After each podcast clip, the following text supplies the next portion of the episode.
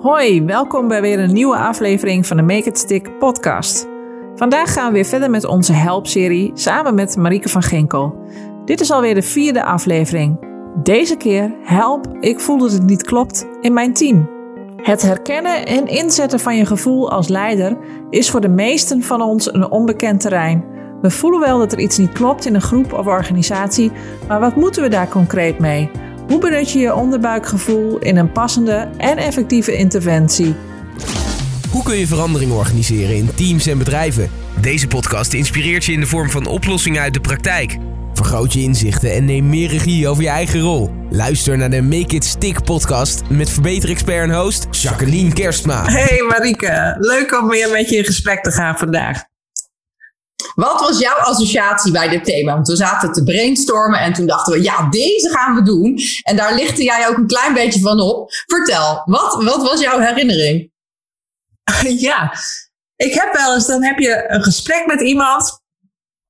Uh, een, een, adviesgesprek of gewoon met, met je collega in een team. En dan um, duurt misschien maar een half uurtje of zo. Maar na het half uurtje ben je compleet uitgeput. Dat je denkt, wat is hier nou gebeurd? Mhm. Ik heb het idee dat ik die persoon heb kunnen helpen. Hè? Die, heeft, die kan verder, dus die voelt zich ook geholpen. Mhm. Maar ergens is er dan iets in jezelf aan de hand of zo. En dan kan ik dan niet de vinger op leggen wat er dan precies bij mij gebeurt. Maar dan merk ik na de tijd van, jeetje, nou, eerst maar even een bakje koffie. Want uh, poeh, mm -hmm. dit kost een energie ineens. Ja. Wat is er dan aan de hand? En um, nou ja, die vraag die wilde ik jou ook wel eens voorleggen. Wat gebeurt er dan met jou eigenlijk in, je, in jezelf, waardoor je dan ineens die moeheid zo ervaart? Ja, ja, dat vind ik echt een superleuke vraag. En hij is ook heel geschikt om weer op onze twee niveaus aan te vliegen, zoals we dat in alle podcasten willen doen. Namelijk, wat moet ik nou eigenlijk concreet en praktisch doen om dit op te lossen? Want het is eigenlijk een soort signaal dat je aan het werk moet.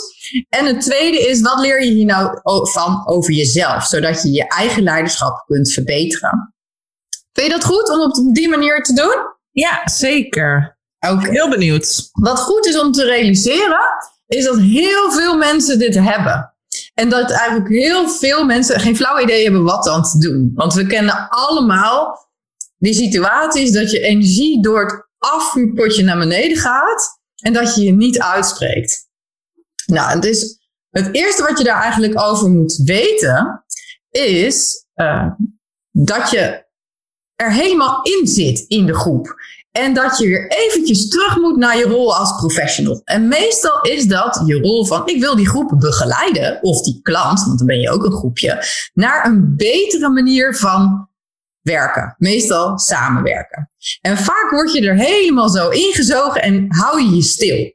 En heb je een enorme hoeveelheid verzetgedachten.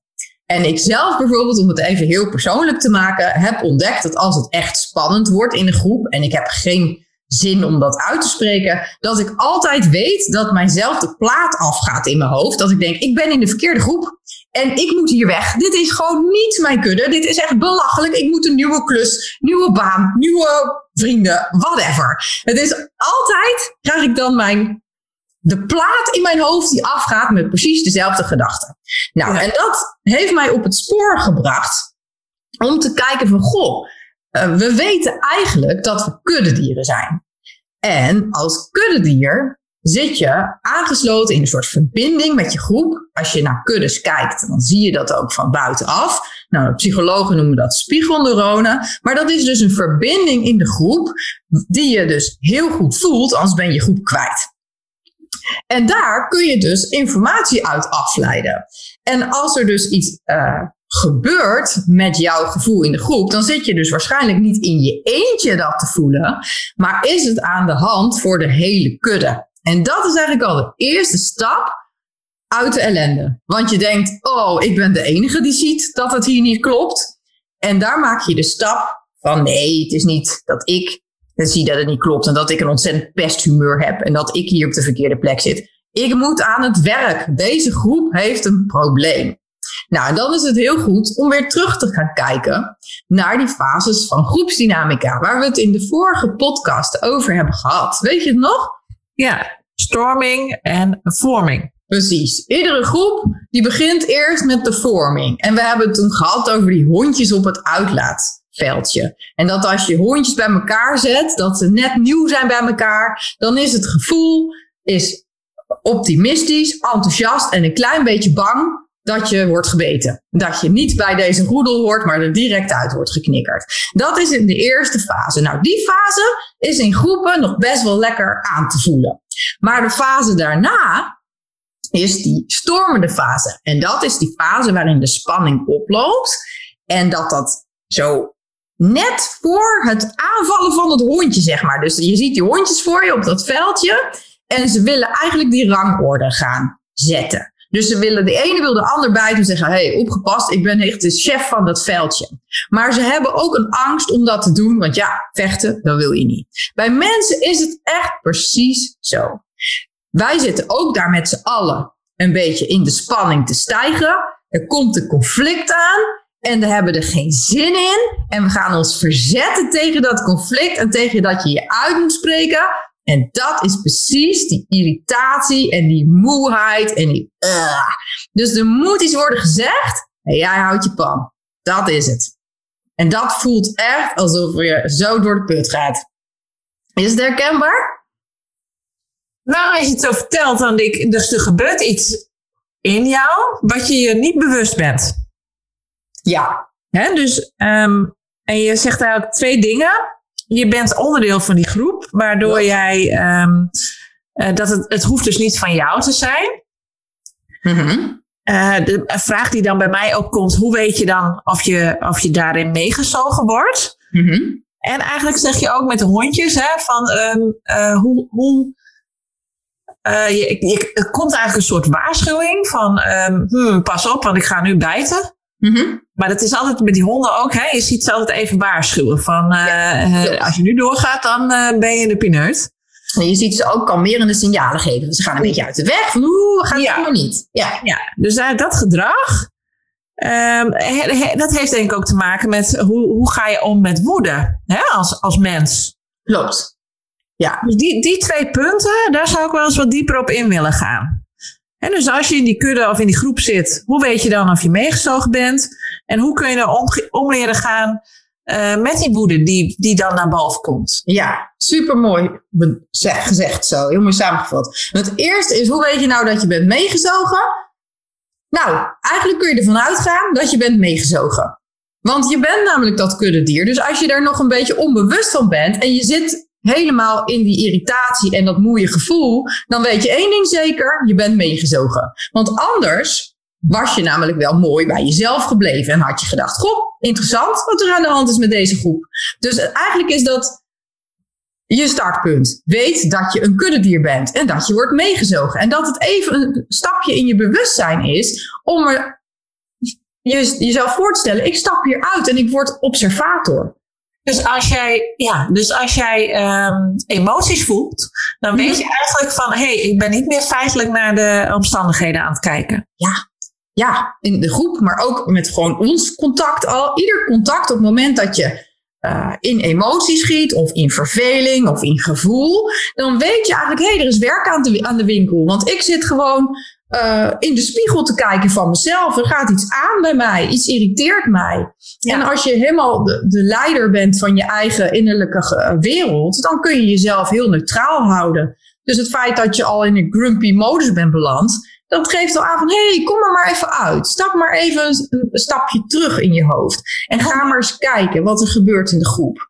En hoe doe je dat dan? Want ik, ik, ik ken wel momenten bij mezelf. Hè? Misschien, ik weet niet of dat goed is, maar dan denk ik, als ik dan denk van, oh, uh, dat gevoel komt, hè, dat ik denk, oh, nu ga ik meegezogen worden dan, wat jij dan zo net benoemt, hè, dat je die emotie voelt. Um, dan ga ik wel eens even, even ademhalen, weet je wel? Dat je even op je stoel even recht gaat zitten, even de voetjes uh, uh, goed op de grond ja. en even naar die buik toe. Ja. Even drie keer zuchten. En dan, oh, nou, ben ik er weer. Oké. Okay. En dan nu uh, even weer observeren, zeg maar. Is dat, een, is dat een goede manier om, om, om even uit die, uh, daar even uit te stappen? En even ja, weer boven, is... het, boven het proces te hangen. Wat gebeurt hier nu eigenlijk? Zeker, wat jij beschrijft is echt een supergoeie start om weer eventjes naar jezelf te gaan. Wetend ook dat je als kuddedier eigenlijk volledig zit te focussen op die andere dieren. En dat je vaak een beetje binnenste buiten bent gedraaid en helemaal onder, ja, onderdompeld in die groep. En wat jij doet is even je eigen lichaam voelen en denken, oh ja, ik zit hier, mijn eigen rust voelen. Oké, ik ben een onderdeel van de groep, maar ook een individu. En ik zet nou heel bewust mijn taak aan als observator. Dus ik ga dat gevoel gewoon er laten zijn. Ik ga het niet wegdrukken of uh, oplossen of uh, zen worden, whatever. Dat hoeft helemaal niet. Ik ga de overstap maken in mijn hoofd dat ik in, uh, informatie krijg van dat gevoel. Dus ik ga dat gevoel volledig voelen. En ondertussen zet ik gewoon mijn boerenverstand aan en ga ik patronen kijken. Wat is er nou precies aan het gebeuren in die groep qua gedrag? En heel vaak zitten we helemaal in de inhoud. Dus we zetten even onszelf een niveautje anders. En dat is een niveautje, wat gebeurt er nou qua gedrag? En welke dingen zie ik dan drie keer of meer gebeuren? En dan hebben we een gedragspatroon. En dan wordt het interessant. Dus mijn, ja, mijn pleidooi is dan eigenlijk ook, neem even tijd.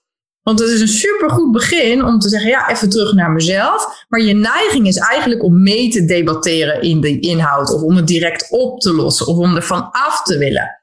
Maar het is juist even naar die observator en jezelf de tijd te gunnen. Om niet je eerste reactie te doen. Maar een reactie die daar veel later, veel meer daarna komt. Wat gebeurt er nou precies? Uh En je hebt heel vaak dat je bijvoorbeeld um, ja, je ziet het een beetje cirkelen, zeg maar. Je ziet de hele tijd dezelfde dingen terugkomen. Bijvoorbeeld mensen die elkaar niet laten uitspreken. Of iemand die zijn stokpaardje uh, bespreekt en voor de tachtigste keer zijn visie zit uit. Uh, En we hebben de vorige keer gesproken over dat weerbericht. Dat is altijd een hele handige interventie om dan te doen. Om te zeggen, hé, hey, ik zie dat we dit of dat doen. Of ik zie dat, dat, dat Piet dan voor de vijfde keer onderbroken wordt. Goh, wat, is er, wat maakt eigenlijk dat we dat zo doen? Dat zijn goede startpunten om het gesprek op een ander level te krijgen. Ja, dus je pakt eigenlijk de feiten, probeer je boven water te krijgen. Benoemen, wat zie je nu precies? Welk concreet gedrag zie je? Mm wat, wat, wat doet dat ook met je? Mm En, en, en um, volgens mij was de tweede stap van het weerbericht, je legt het terug in de groep. Hè, van, ja. um, herkennen jullie dit, wat ik nu op, observeer, wat ik nu feitelijk benoem eigenlijk? Ja. Zonder daar een gevoel of een oordeel bij te hebben. Ja. En de derde stap was eigenlijk van ja, aan de groep, helpt dit nu ons om het, ons doel te bereiken? Ja, ja. Dat is een super mooie riedel die iedereen ook echt zo begrijpen en kan gebruiken. En toch is het goed om even van tevoren wel je huiswerk te doen. Want kijk, als je dit zou kunnen doen, hè, dan zou je elke keer na een half uurtje hartstikke idee, dan is, kan je het gesprek doorbreken. En toch ervaren we in de praktijk dat het veel moeilijker is dan dat. Dat we heel vaak denken, oh, ik ga een interventie doen, nou ga ik het bespreekbaar maken. En dan gaat het net niet helemaal zoals je wilt. Dus het, het vraagt heel veel van je om een goede antenne en een goede begeleider te zijn. En wat het van je vraagt, is zelfkennis. Dus je moet echt van jezelf weten dat je vanuit neutraliteit die interventie doet. Want als de groep voelt dat jij die, irritatie hebt, of eigenlijk zit te fantaseren hoe je een nieuwe baan gaat nemen, juist ook weer door die spiegelneuronen, ziet iedereen toch aan je neus dat je gewoon geïrriteerd bent en je neutraliteit niet hebt. En dat maakt dat je eigenlijk het drama voortzet, om het maar even stevig te benoemen. Maar dat, dat het niet oplost, maar dat het, het spel verder gaat. En wat hiervoor nodig is, zijn eigenlijk twee dingen. Het eerste is dat je s ochtends vroeg voordat je die groep uh, instapt, eigenlijk een nulmeting doet van je eigen gemoed. Mhm. Want stel je, je hebt last van je hormonen en je bent super zagrijnig. En gisteren had je een gesprek met een vriendin en het ging helemaal verkeerd. En het, je humeur is echt niet top. En je stapt dan een groep in ja, de kans dat dat niet tof is, is gewoon 100%. Dus je moet weten van jezelf, wat is nou mijn, mijn staat van zijn? Je startpunt als het Mijn startpunt. En het is helemaal niet zo dat jij als een soort zenmeester die groep in moet stappen. Want dan zou niemand het werk kunnen doen. Maar wat je van jezelf moet weten is de eerlijke observatie. Hoe is het nou met mij? Hoe voel ik mij eigenlijk? En als je dat weet, en je weet dit is mijn nulmeting, dan kun je ook het verschil ervaren nadat je in de groep bent geweest, wat er verandert in jouw gemoed. Nou, dat is het eerste wat super belangrijk is. En wat voor de meeste van ons echt nog wel een hele taak is, omdat we eigenlijk heel vaak niet zo goed weten wat we voelen. We zijn niet allemaal heel erg gewend dit soort observaties uh, te doen. En we weten ook niet allemaal van onszelf wanneer je nou echt vet getriggerd wordt. Want heel vaak denk je, ja, dat komt door die ander. Mijn collega Piet is nou eenmaal ontzettend sukkel. En als hij wat zegt, dan word ik boos. Ja. Dus je moet heel goed weten, wat zijn mijn groeven? Wanneer word ik boos? Of wanneer word ik treurig? Of wanneer raakt iemand mij zodanig dat ik uit mijn evenwicht raakt, raak? En dat je dat super goed weet van jezelf. Want dat heeft namelijk alles met jou te maken. En dat, dat zit nog je antenne te vervuilen. Ja, want valkuilen daarbij zijn dan ook hè, dat je toch weer naar die inhoud gaat. Uh en je toch weer meegezogen wordt in die emotie. Dat je denkt, ach, gadverdarrie, uh, daar hebben we hem weer. Hè? Dus dat je toch weer... En dat je daardoor eigenlijk vergeet te lijden. Ja, klopt. Want dat is de valkuil, of de grootste valkuil, denk ik. En dat, eh, dan helpt zo'n weerbericht wel weer van hoe helpt ons dit ons doel te bereiken. Dat je dat bij jezelf ook steeds nagaat, denk ik. Van hey, mm en daarmee weer het leiderschap terugpakken.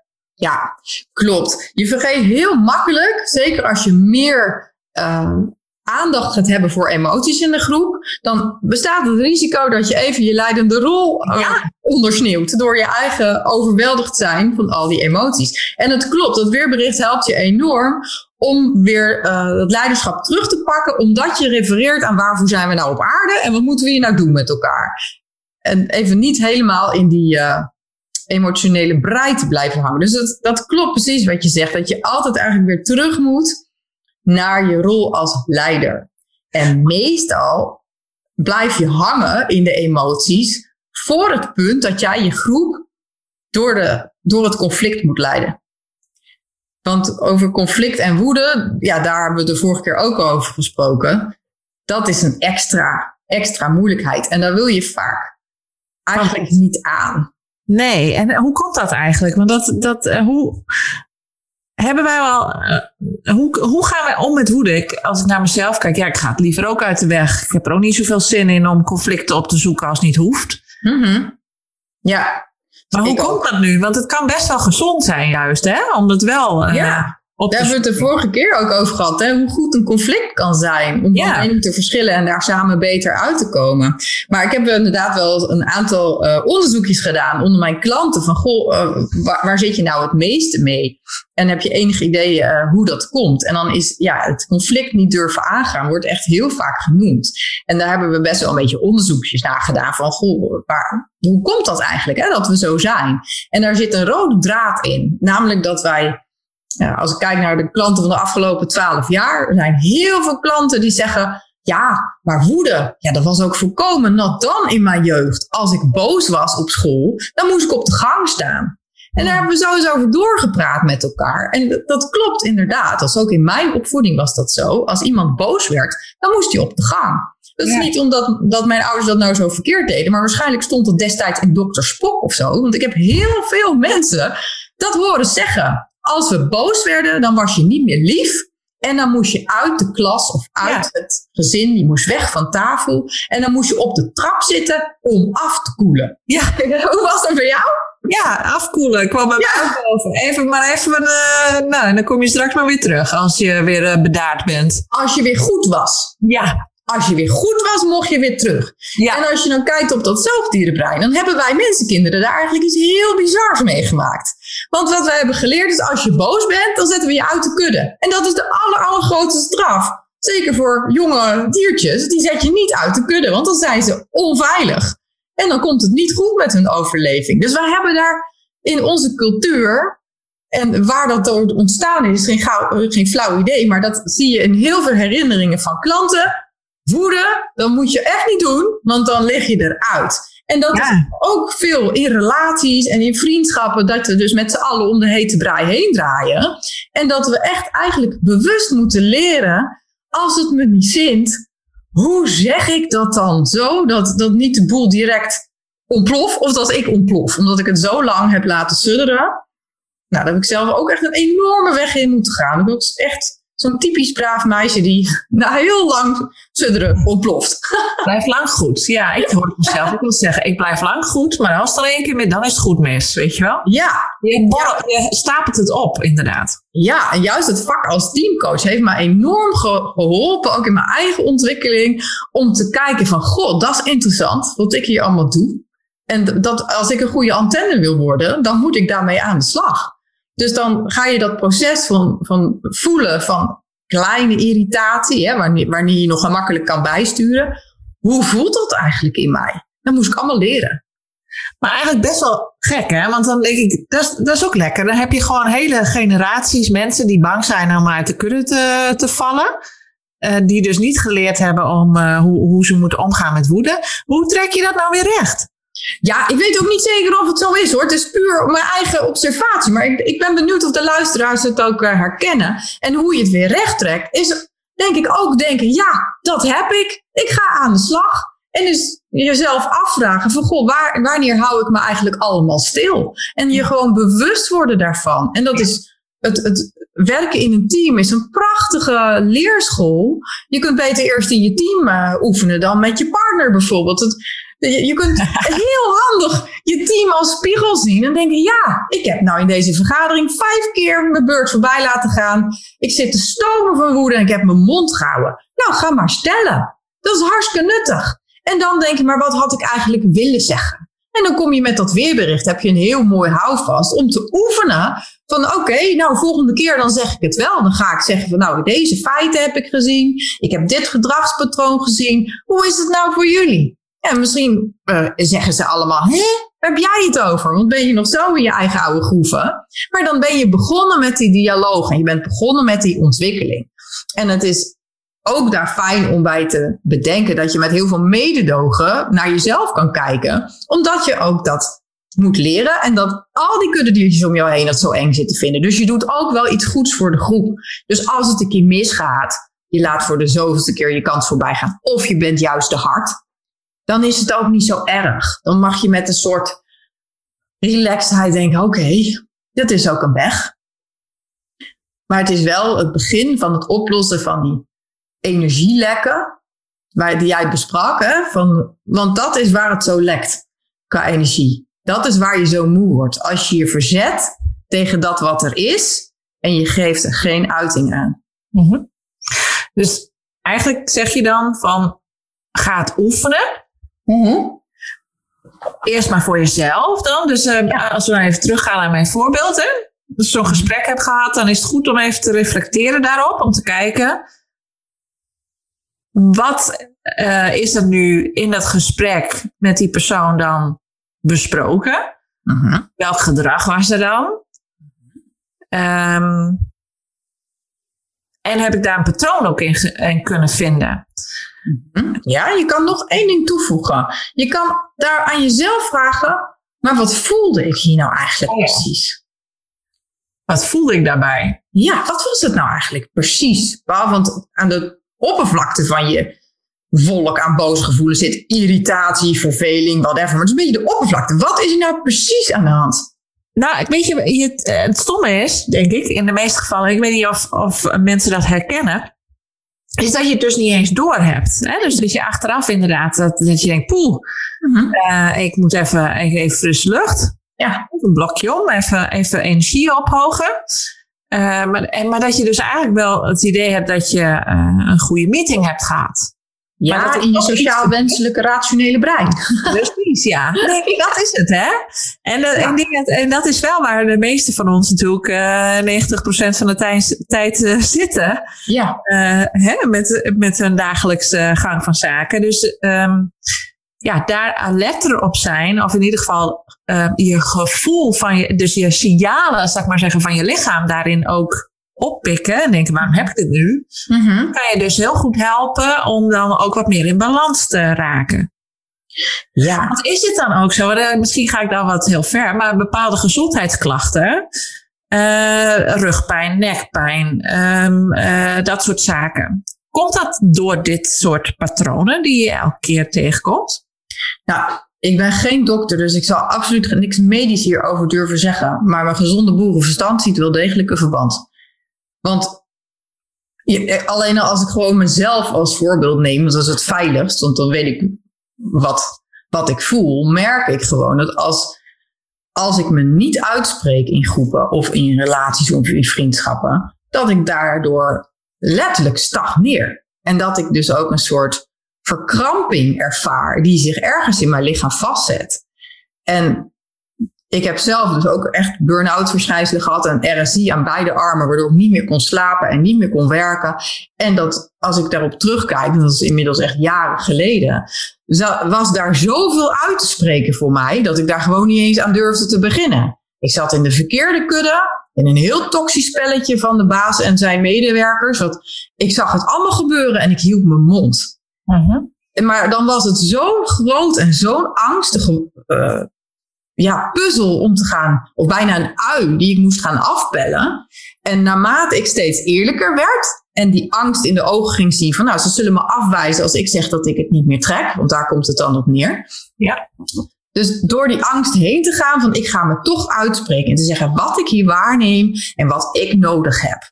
Nou, daar zit een enorme angst voor afwijzing zat daaronder. En ik merkte echt hoe eerlijker ik ging leven, hoe meer ik dat uitsprak, hoe meer er ook veranderde. En hoe beter, ik heb nooit meer RSI gehad. Terwijl ik veel meer type als ooit. Maar ik was echt verkrampt door mijn eigen angst om afgewezen te worden. En ook uh, niet meer uh, een goede carrière te hebben. Want je hebt een soort beeld van zo moet je als goede professional uh, handelen. En in mijn hoofd was dat beeld, nou, je pas je aan.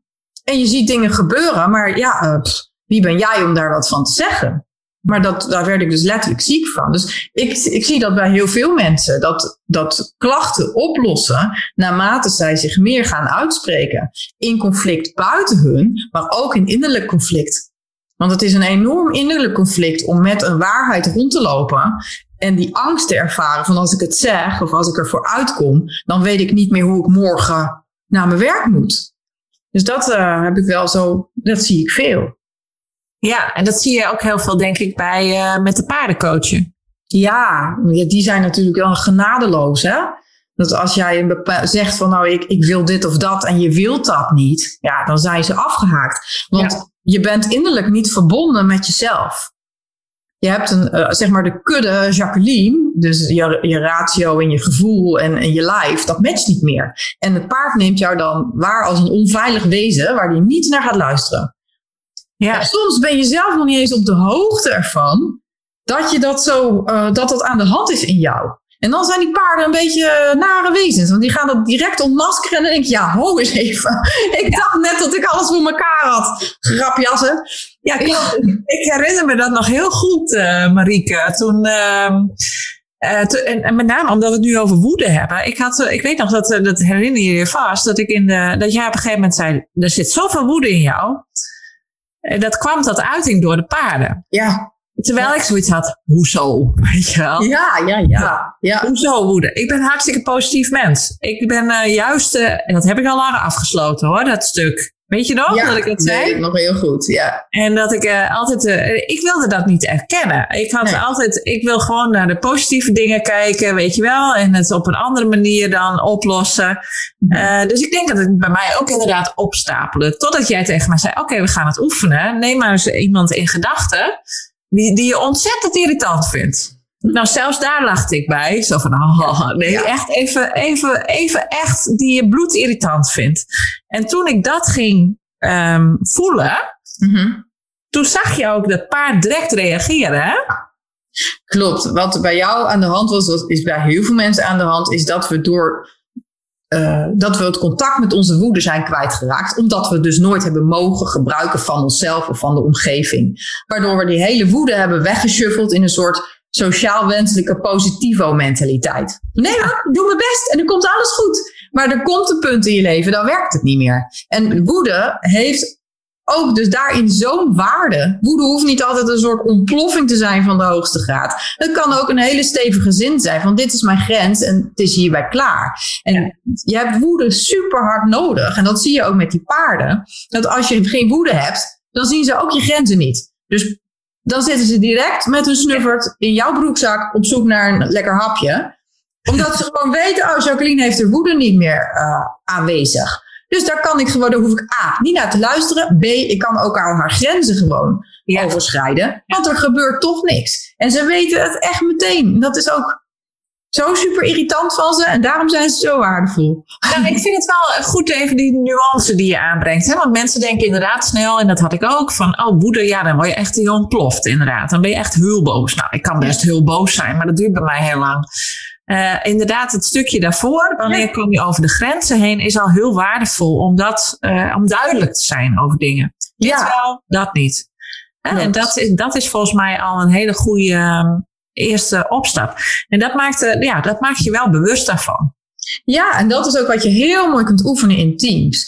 Van, je weet van, oh, we moeten door een bepaald conflict. Niemand heeft daar zin in. Dus we gaan de woede naderen tot we het echt niet meer anders kunnen oplossen. En dan kun je dus ook heel goed voelen in je lichaam. Waar, waar voelt bij mij een klein beetje irritatie?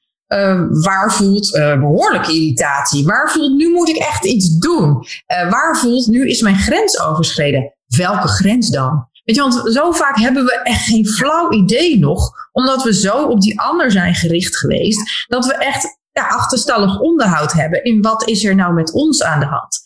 En zeker ook grenzen, die merk je pas als iemand eroverheen gaat. Maar da daarbij stilstaan en denk je, ja, of bijvoorbeeld de balans tussen geven en nemen in zo'n klantgesprek, waar je helemaal uitgeput uitkomt. Dan heb je waarschijnlijk over je grens gegeven.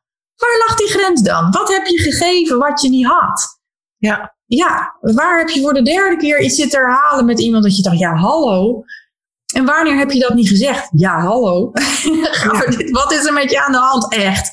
Dus ja. het, het is echt ook een hele mooie manier om jezelf te leren kennen op weg naar het zijn van een goede antenne in de groep. Met als doel je groep verder te helpen en op een effectieve manier conflicten aan te gaan en te benutten. Want je doet het niet alleen voor je eigen ontwikkeling. Je, doet, je bent een dienste van je groep. Dus het is nou, twee voor de prijs van één, zeg maar. Je wordt er zelf ontzettend veel wijzer en bewuster van. Maar je doet het voor die groep. En dat is je doel.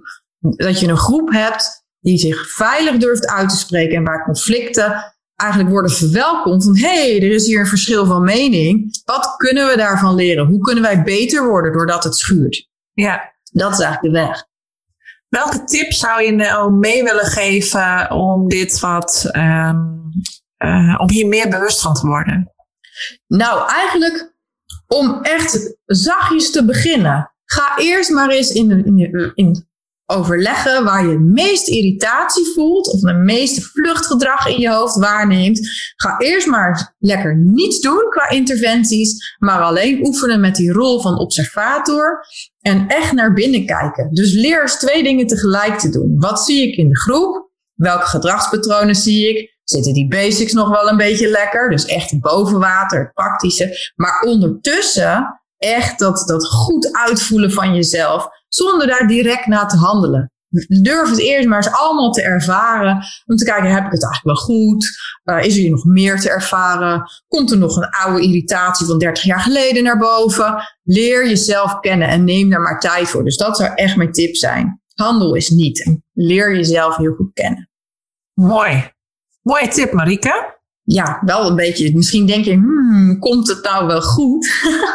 nou. Want uiteindelijk ga je met al die informatie denken: welke interventie is nou het meest waardevol voor mijn groep om dichter bij hun doel te komen? Maar daarvoor is het wel fijn dat je heel veel informatie hebt verzameld. Ja, en daar ook, uh, uh, nou ja, even de tijd neemt om daar een goede keuze in te maken. Ja, en ook het verzet te leren zien. Dat vond ik zelf ook zo'n eye-opener. Dat, dat je je zo verschrikkelijk zit te verzetten om naardere gevoelens niet te voelen. Ja. Ja, ik irriteer me liever aan een ander dan te denken, zit ik wel op de goede plek hier? Want die vraag is veel moeilijker. Ja, dat is zo. En dat is ook denk ik wat de reden waarom we vaak weg willen van dat conflict. Want voor het conflict weet je wat er komt. Die situatie is overzichtelijk en voorspelbaar. Dat vind je fijn als zoogdier. Mhm. Maar als je het conflict aangaat, dan heb je chaos. Dan weet je niet wat er komt. En dat vind je niet fijn. Dat vind je, qua nature hou je daar niet van.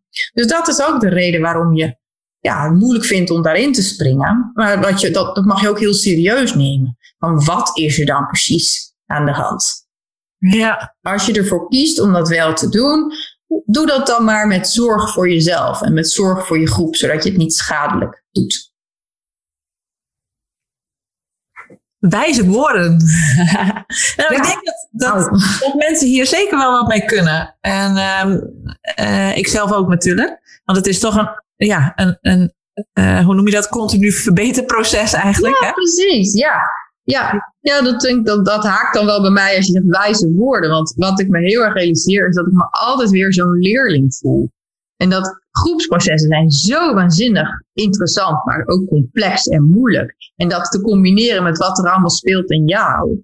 Dus het is misschien, dat zou de mooiste afsluitende tip zijn. Durf een leerling te zijn. En dat je gewoon weet, Niemand snapt dit helemaal. Want dan waren we wel helemaal alles opgelost. En dus moet dat ook. maar het niet te weten. En durf maar te denken, goh, wat is er nog meer te weten?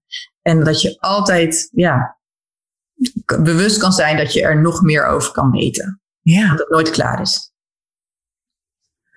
Goed hoor.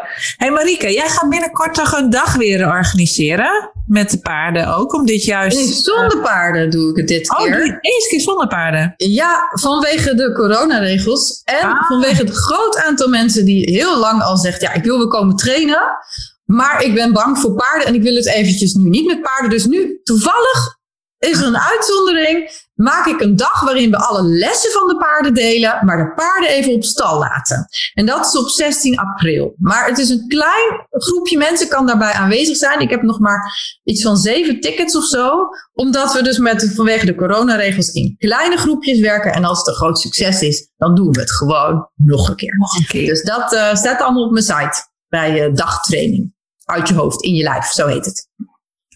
Nou, supergoed thema, denk ik. Ja, kan je heel lang over praten. Ja. nou, leuk Marieke. Volgens mij hebben we weer een mooie, een mooie sessie uh, ervan gemaakt. Um, wat gaan we volgende week doen? Ja, nou, terwijl we zo praten over die, uh, die woede, denk ik ook meteen aan veiligheid. Want heel vaak zeggen mensen bij teams, de, ja, in teams of leiders van teams waar we spreken over deze problematiek. Van ja, dat kan je wel zeggen, dat ik zo'n interventie ga doen om de boel open te breken. Maar in onze organisatie of in ons team is het niet veilig. Ja. Hoe ga je daarmee om? Dus volgens mij is dat een heel interessant thema. Nou, dan pakken we die op. Denk ik. Veiligheid. moeten we daar zo hebben. ja, heb je zin in? Ja, doen we. Toch, doen we die volgende week. Oké. Okay. Dankjewel. Tot de volgende keer. Tot de volgende keer. Doei. Fijn dat je hebt geluisterd naar de Make It Stick podcast. Wil je als eerste op de hoogte zijn van nieuwe inspiratie? Abonneer je dan op deze podcast. Als je denkt dat deze aflevering ook voor mensen uit jouw netwerk interessant is, deel dan vooral de link. Wil je meer weten over Jacqueline en haar verbeterpassie? Je vindt haar via de website www.stick.nl.